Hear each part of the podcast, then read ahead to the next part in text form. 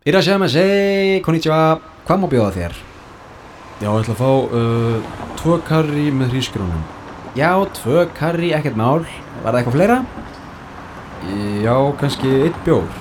Eitt bjór, já, þú verður að vera fljótur að drekka hann Okkur Nei, bara ég segi svona Ok. Tvö karri og eitt bjór, gjörðu svo vel Hæ, domo, irashimasu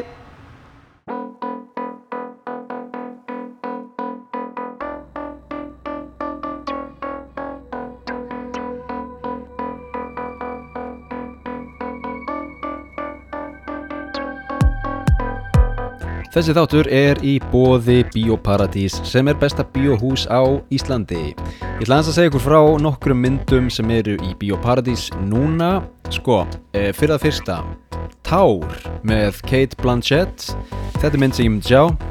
Eh, og svo er það myndin The Whale með Brendan Fraser. Þetta er líka mynd sem ég myndi sjá. Þær eru að fá einhver verðlaun, þær eru að fá mikið umtal, ég hef ekki séð þær en þær eru komnar í Bíóparadís og ég mæli með að kíkja á Tár og The Whale. Síðan er það miðvíkudagsbíó alla miðvíkudaga klukkan 2 e, á morgun 22. mars eru til dæmis þrjár myndir í síningu það er á ferð með mömmu ný íslensk mynd með ennskum texta síðan er uh, The Banshees of Inisherin þetta er, uh, þetta er Colin, Colin Farrell og, og fleiri góðir uh, í, í góðum málum. Síðan er það The Grump In Search of an Escort. Þetta er mynd frá Finnlandi og Þískalandi uh, þetta er mynd nummið 2 í Grump seríunu The Grump sem sló í gegn árið 2014 er sem sagt komin aftur. Ekki missa af því. Síðan er það gott fólk föstudagsparti síningar sem enginn má missa af. Núna á föstudaginn 24. mars klukkan 9 Con Air með Nicolas Cage John Malkovich og John Cusack.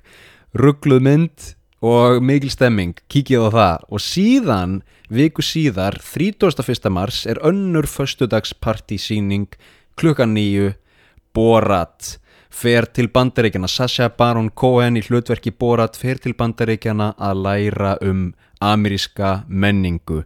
Þetta og miklu fleira kíkið á það á bioparadís.is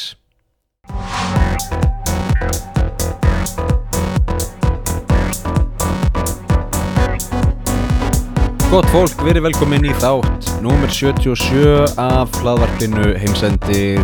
Uh, Þetta er uh, frá Tókjó, við erum hérna í Tókjó Höfuð stöðvar heimsendis er í Tókjó, starfsmenn eru um 13 talsins og uh, við erum hérna á 8. hæð í einhverjum turni í Shibuya. Nei, nei, ég segi svona, við erum hérna í Kallarahólu í, uh, í Meguroku Toritu Daigaku, uh, bara ég og kötturinn, eins og við segjum. Hérna, þessi þáttur er uh, ekki beint lífið í Tókjó, þetta er svona meiri sögu þáttur, mér langar að segja ykkur söguna af Karri morðingjanum í Wakayama. Um, Þetta er undarlegt mál, sérstætt mál sem átti sér stað fyrir uh, nokkrum áratugum.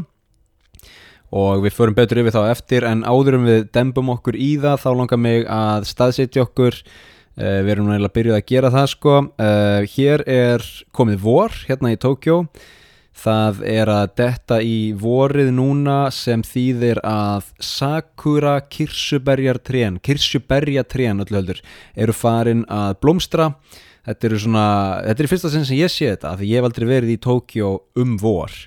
Um, þetta eru tré og áður en það koma lauf þá blómstra blómin og þau eru fallega bleik og þetta er svona eitt af eh, kannski frægustu bara táknum Japans, það eru sakura kirsuberja trén og, og blómstrið af þeim. Og þetta er alltaf gerast núna, það eru 20 gráður þið vitið um, snjórin kom í einn dag í byrjun januar fór allt á hliðina, svo er það búið nú er komið vor, þannig að veturinn var ekki neitt neitt. Uh, ótrúlega til sagt, það var samt mjög heitt nei, kalt hérna heima hjá mér. En það eru vegginnir gerður og pappa eins og ég hef talað um. Um, þannig að þetta er svona, þetta er staðan. Það er, það er komið vor og það er bara já, ég er svona ég er mjög skrítið að fara frá Íslandi fara úr kuldanum og svo bara lenda beint í, í vor hérna uh, en það er bara mars og það eru sko fjórir mánuður eftir af hlínun þá er maður komin í, í júli, ágúst og þá byrjar alltaf bráðuna, það verður alltof heitt hérna á, á sumrin í Tókjó en uh, það er annað mál, kannski ég kannski get ég flúið land uh, í sumar farið eitthvað aðeins kaldara af því að eins og ég segi, Tókjó á sumrin er, sko ég held að fólk átti sig ekki á því þegar það kannski bókar flug til Japan og ákveður að koma í júli að það er ekkert eðlilega heitt og rakin er bara 70, 80, 90% 38 gráður. Þú veist, þetta er ólíft. Þannig að farið varlega í það. Uh, ég get bara hlaka til þess þegar það, það, hérna, það ástand er komið. Ok, um, ég fann að tala ómikið um veður. Förum bara beint í þáttu dagsins. Uh, þetta er Karri Morðingin í Wakayama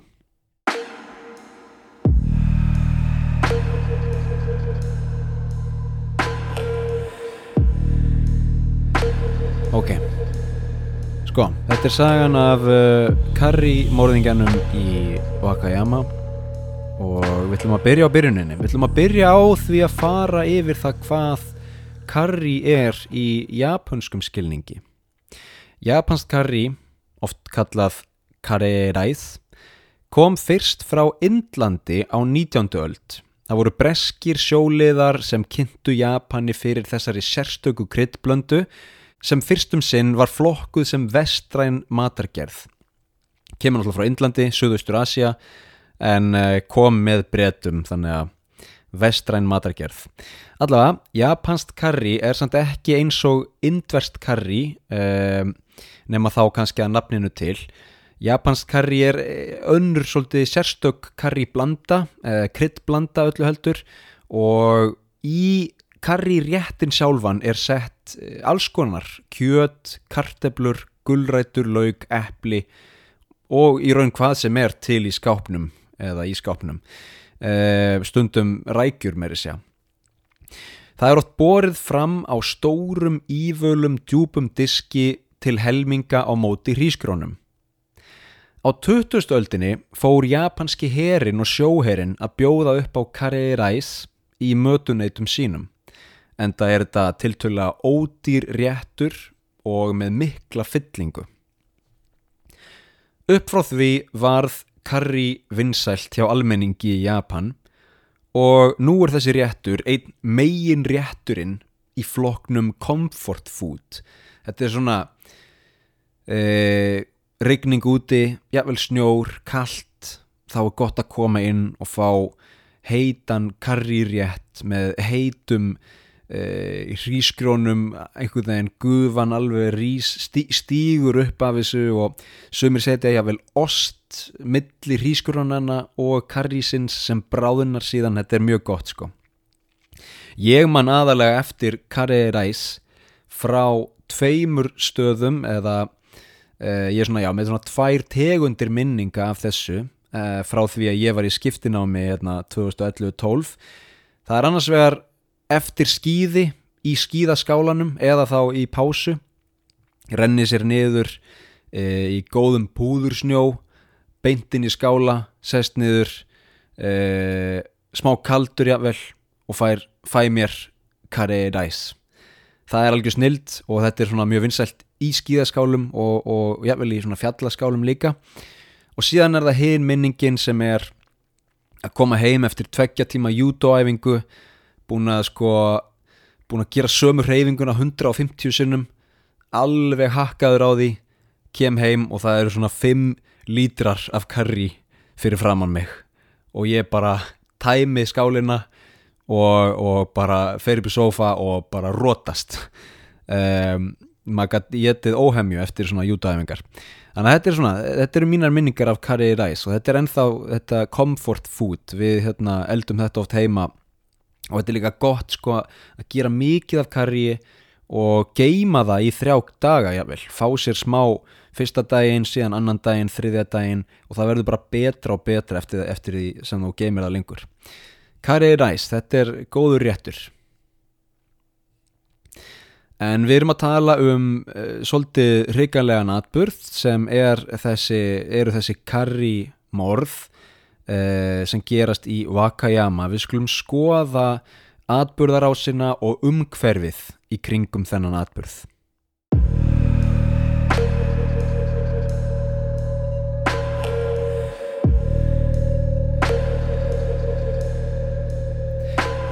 Við erum stödd í Wakayama héraði á suðvesturströnd Honshu megin eigu Japans.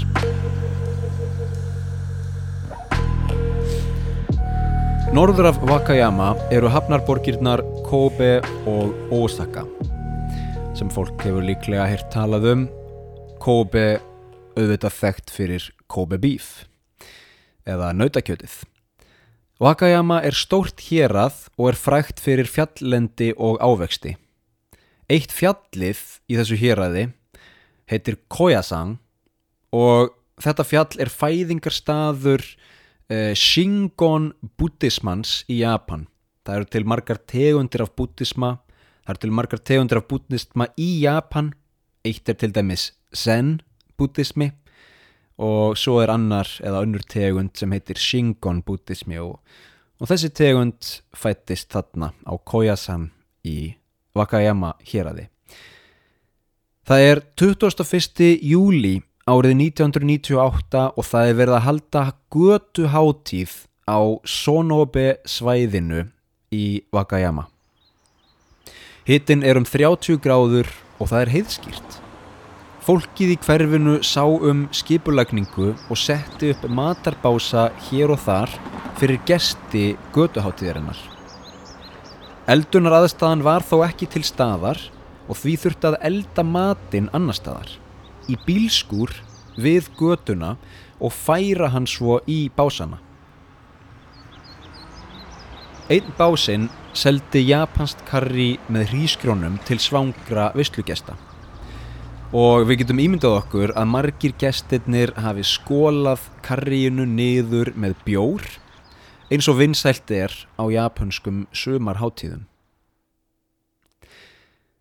Einn þeirra sem sá um karrið var Masumi Hayashi, fætt 22. júli 1961. Hún er því 37 ára gömul þegar hún stendur þarna við karripottin og auðsir réttinum í diska viðskiptavina. Götuháttíðin nær hámarki upp úr klukkan 6 um kvöldið. Það er tónlist í loftinu og fólk borðar, drekkur, spjallar saman og hlær. Fólk nýtur þess að vera í fríi og dáist að samheldni hverfisins að koma svona saman og slá upp götuveistlu. Allt í einu heyrist skríti hljóð. Einhver er að æla. Jæja, kannski hefur einhver drukkið of mikið. Um að gera fara rólega í bjórin, sérstaklega í 30 gráðu hita. Ói, það er kvítlögsbrað af þessu. Finnur einhver annar vond kvítlögsbrað? Heyrðu vinnur, fáðu þér vasklas. Þú er búin að drekka allt og mikið. Nei, ég er að segja satt, það er kvítlögsbrað af þessu. En fljótlega byrja fleiri gestir að kasta upp. Og ekki bara fullorðnir, heldur börn líka. Varðla eru þau orðin drukkin. Einhverjir grípa um magan og kvarta undan sársauka. Aðrir bera hendi að enni sér, stingandi hausverkur. Fólk fer að ókýrast og skipulegjundur hátíðarinnar grípa inni. Hvað kom fyrir? Ég veit það ekki, mér er bara illt í maganum. Hvað borðað eru? Karri? Einn eldri maður sá hafði búið í hverfinu í marga áratugi og hafði upplifað ímislegt um æfina gengur að karribásnum Hæ, þessi Sam, er ekki lægi með karrið? Jú, það á að vera í góðu lei. Leðu mér að smakka? Gjör þess að vel. Mmm, mjög gott. Það er ekkert að þessu. Þið hljótið að hafa borðað eitthvað skemmt í gerkvöldi. Matareitrun kemur ekki fram svona hratt. En þetta var ekki matareitrun þó þetta væri vissulega eitraður matur. Fleiri urðu veikir og einkennin versnuðu. Fólk kastaði upp blóði, niðurgangur, máttleysi, fólk þurfti að setjast niður og gata ekki beitt sér almennilega. Klukkan átta mínútur yfir sjö um kvöldið var hringt á sjúkrabíl. Klukkan 14 mínútur yfir sjö var farið með fyrstu gestina á sjúkrahús og klukkan nýju sama kvöld var búið að hlúa að yfir 50 manns. Einn læknir á sjúkrahúsinu taldi matareitrun ólíklega í samtali við laurugluna. Fólk gæti hafa andað að sér eiturinn gufum, kannski skortýraeitur. Var eitthvað verið að spreyja í hverfinu? Já, mér skilst að það hafi verið borið á agrana í morgun. Já, það gæti verið orsökin. Þvag og blóðpröfur voru teknar og skimað eftir skortýraeitri. Svo líður nóttin. Næsta morgun, snemma þann 20. og 7. júli, létust fjórir veislugestana. 64 ára karlmaður, 53 ára karlmaður, 16 ára stúlka og 10 ára strákur.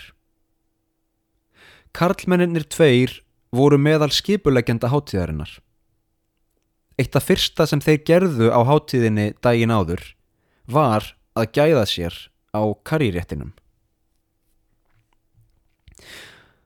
Seitna sama dag komu fyrstu niðurstöður rannsóknarna fram.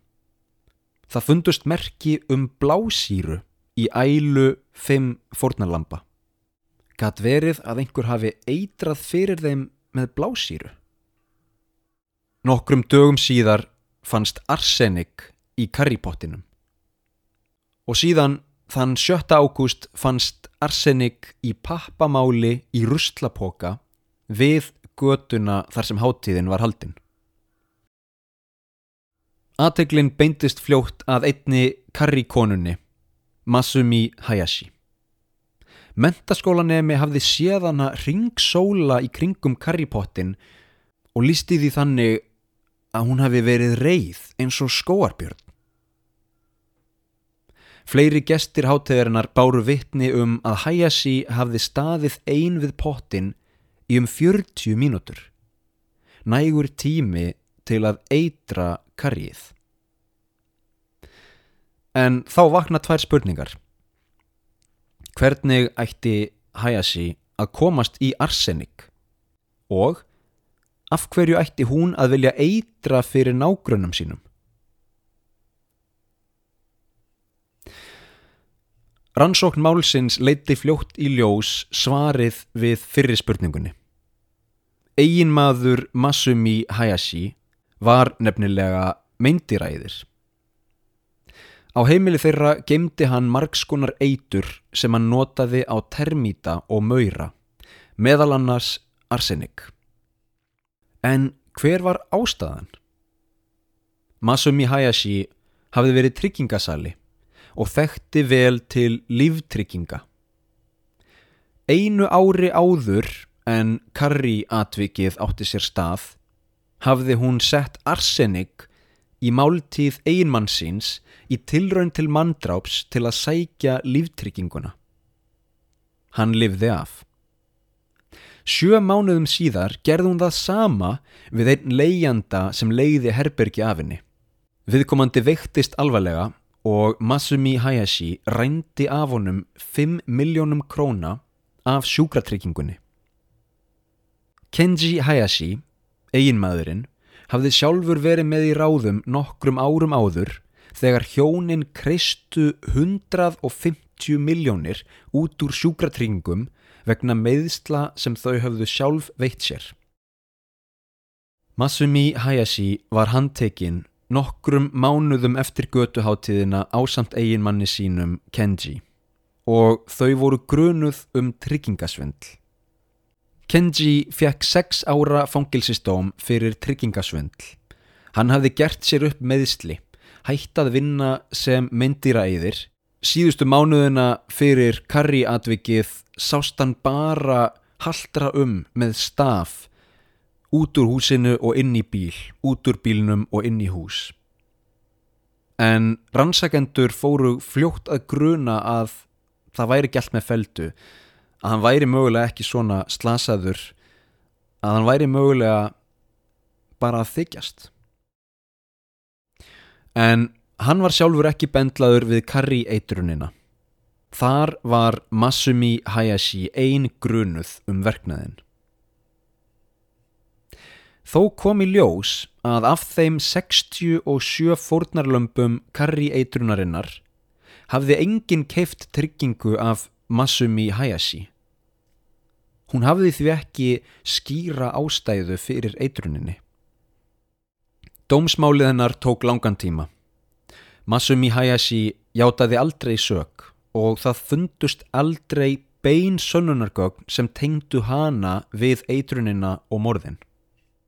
En nágrannar og fleiri íbúar þorpsins báru vitni. Ein kona sagði að á þeim þremur árum sem hún hafði þekkt Hayashi hjónin hafði Masumi aldrei reynt að mynda neintengst við samfélagið. Hún leifði börnunum sínum ekki að leika við börn nágrannana. Þau voru einangruð í stóra húsinu sínu með flottan BMW bíl. Mögulega allt fengið fyrir tryggingafið. Smám saman fór samfélagið á móti að loka á þau og þau einangruðust enn frekar. Út frá þessu kom upp svo kenning að Masumi Hayashi hafi eitrað karrið til að ná sér niður á þorpsbúum. Að henni hafi fundist hún vera út undan og að þau væru að leggja sig í einelti. Árið 2002, fjórum árum eftir atvikið, var Masumi Hayashi dæmd til dauða fyrir fjögur morð og 63 eitranir.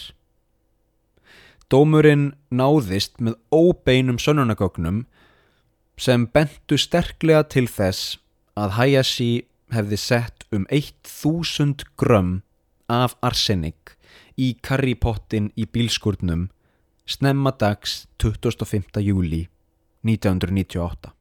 En þann dag í dag heldur Masumi Hayashi því fram að hún sé saklaus. Hún sótti síðast um endur upptöku dómsmálsins árið 2021 á meðan hún býður eftir döðarefsingunni sem í Japan er henging. Masumi Hayashi er 61 ár skömmul í dag.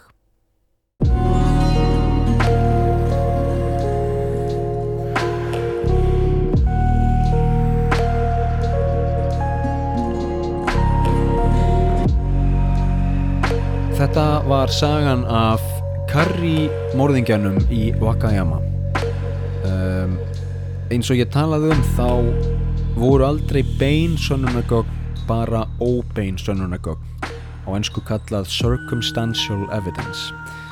Og réttarhöldin tóku langan tíma, það tók mjög langan tíma að púsla saman öllum púslispilunum og komast að þeirri niðurstöðu að þrátt fyrir engin bein sönnunagögn sem tengdu hana við eitrunina og morðin þá var hún talin mjög líkleg til að hafa framið verknaðin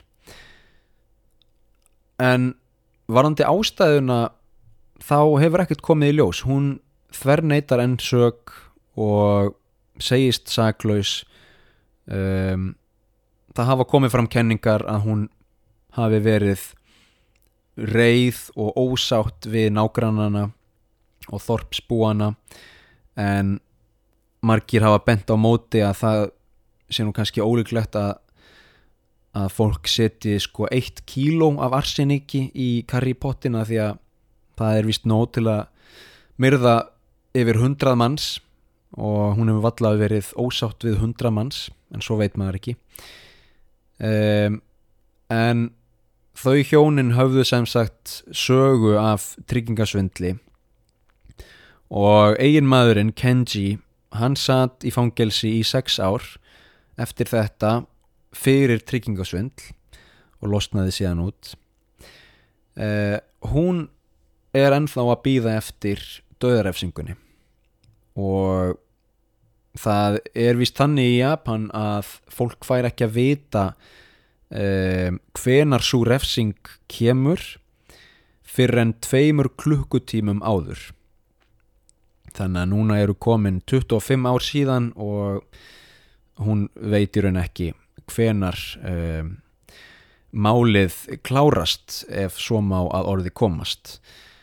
En þetta er nokkuð svona frækt atvik í Japan um, þetta er í manna minnum eins og maður segir líklega vegna þess að Japan er svo örugt land. Og nú langar mig aðeins að tala um það hvað Japan er örugt land um, til að varpa ljósi á kontrastinn á, á, á hérna nú, nú vantar mig orðið sko yfir íslenska, íslenska orðið konst, bara munin á því.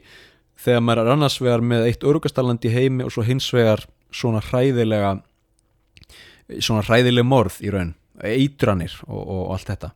Uh, Japan er eitt, er, er eitt örugastarland í heimi þrátt fyrir að vera stórt land þriðja stæsta hagkerfi heimi með íbúa fjölda upp á 125 miljónir Tókjó er, er stæsta borg í heimi með 38 miljónir samt eru ofbeldisglæpir og, og uh, morð tíðinni mjög lág um, og maður bara finnur þá einn skinni. Ég hérna bý í Tókjó og, og maður getur sko að vera að vinna á kaffihúsi í tölfunni sinni um, þú veist, nýju tölfunni minni skiluru og skila hann eftir, fara á klósitið þú veist, skili síman eftir á borðinu skiptir engum máli, það er bara ég hef aldrei heyrt um það að, að fólk lendi í, í þjófnaði eða uh, eða ofbeldi út á götum. Um, þú veist, það, það er engin barinn niður í bæ eins og, eins og gerist stundum því miður annar staðar hérna í Tókjó, hérna er bara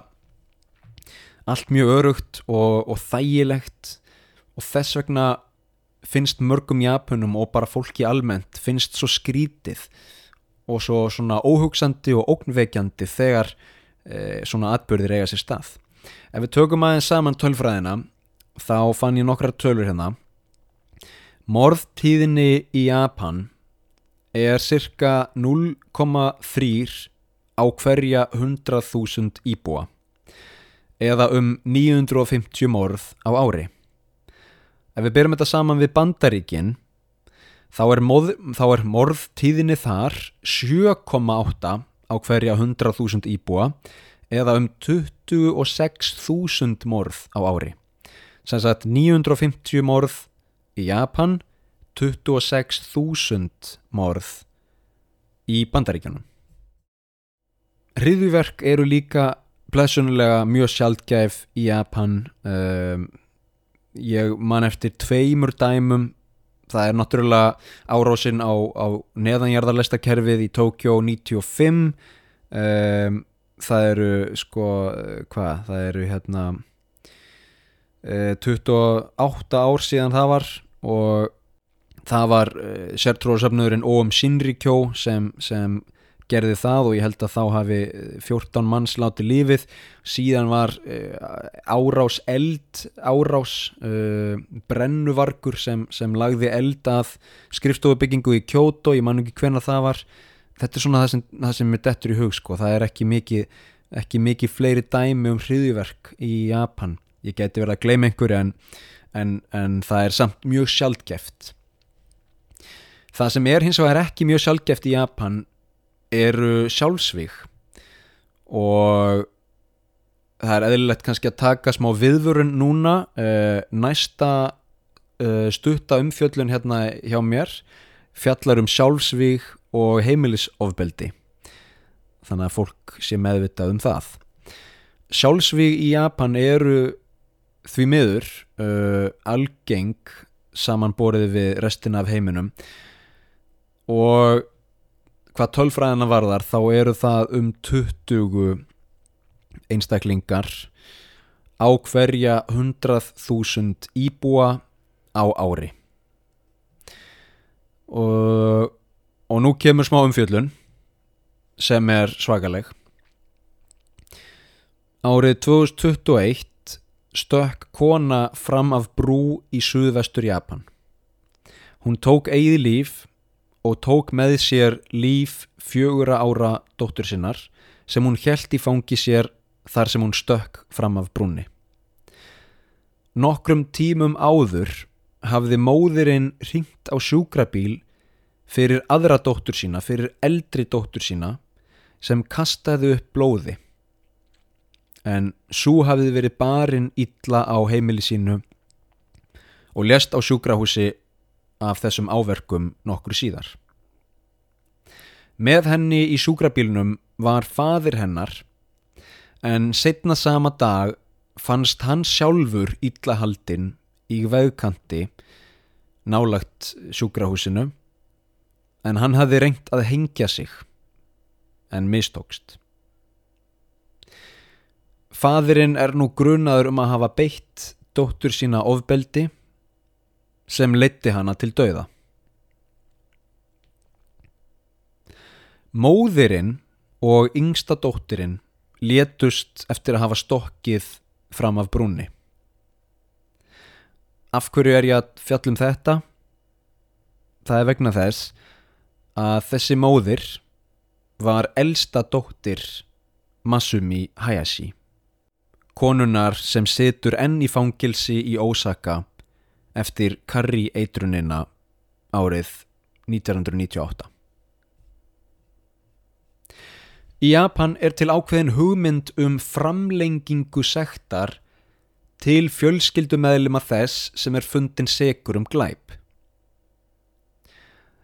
Þannig að ef að ég frem glæp þá má ætla að, og, og, og, og ég er fundin segur um glæp þá má ætla að ákveðin skömm, ákveðin sekt, ákveðin útskúfun í samfélaginu framlengist, dreifist, fari frá mér yfir á mína nánustu fjölskyldumæðlimi. Þess vegna má ætla að dómurinn sem fjall á Masumi Hayashi og dauðarefsingin sem hún býður hafi haft mjög mikil áhrif á fjölskylduna, sérstaklega á börn hennar.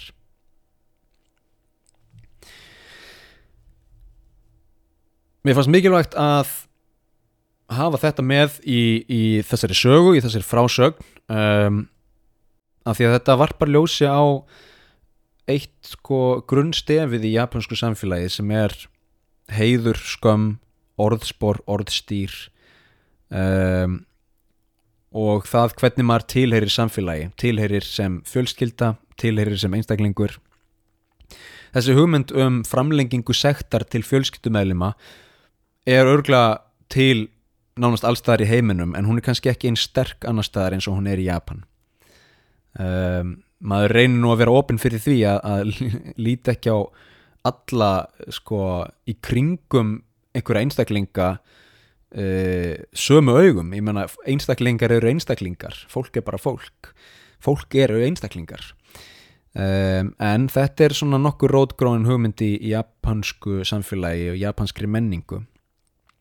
Þannig að því miður þá má ætla að, að uh, margir einstaklingar sem eru tengdir einhverjum sem hefur uh, sem, sem er bendlaður við glæpi eða hefur fram með glæpi að þá þurfum þeir að einhverju leiti að líða fyrir það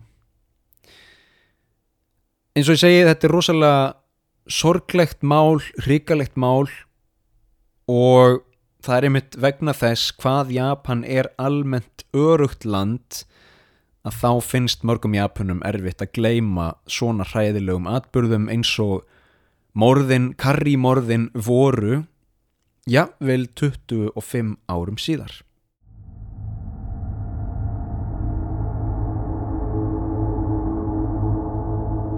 Já, gott fólk, þetta var uh, sögu þáttur dagsins. Mér finnst gaman að taka svona þætti og ég vona að þið hafi gaman að því líka.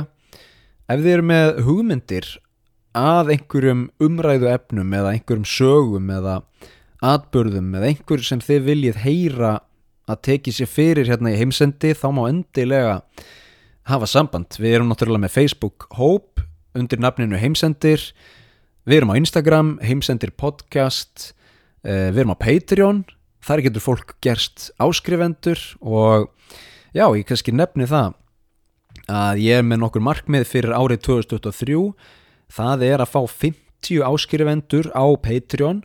Við erum núna með 12 áskrifendur og þetta er þrepaskipt markmið eftir 10 áskrifendur þá fer ég á minnstu eigu Tókjó það er að fara að gerast núna í þessari viku að því að við erum komin með 10 áskrifendur síðan er það 20 áskrifendur þá ætla ég að fasta í 5 daga, takk fyrir.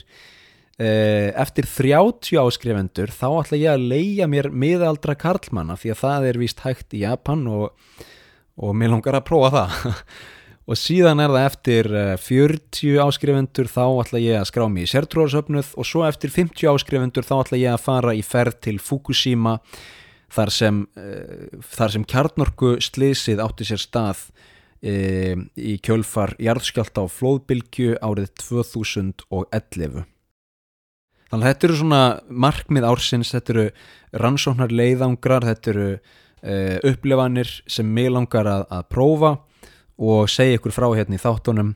Þannig að ef þið viljið uh, fylgja þessu eftir og styðja við bakið á hlaðaverpinu, endilega kíkið á Patreon. Annars þakka ég fyrir hlustun dagsins og við heyrumst í næsta þætti.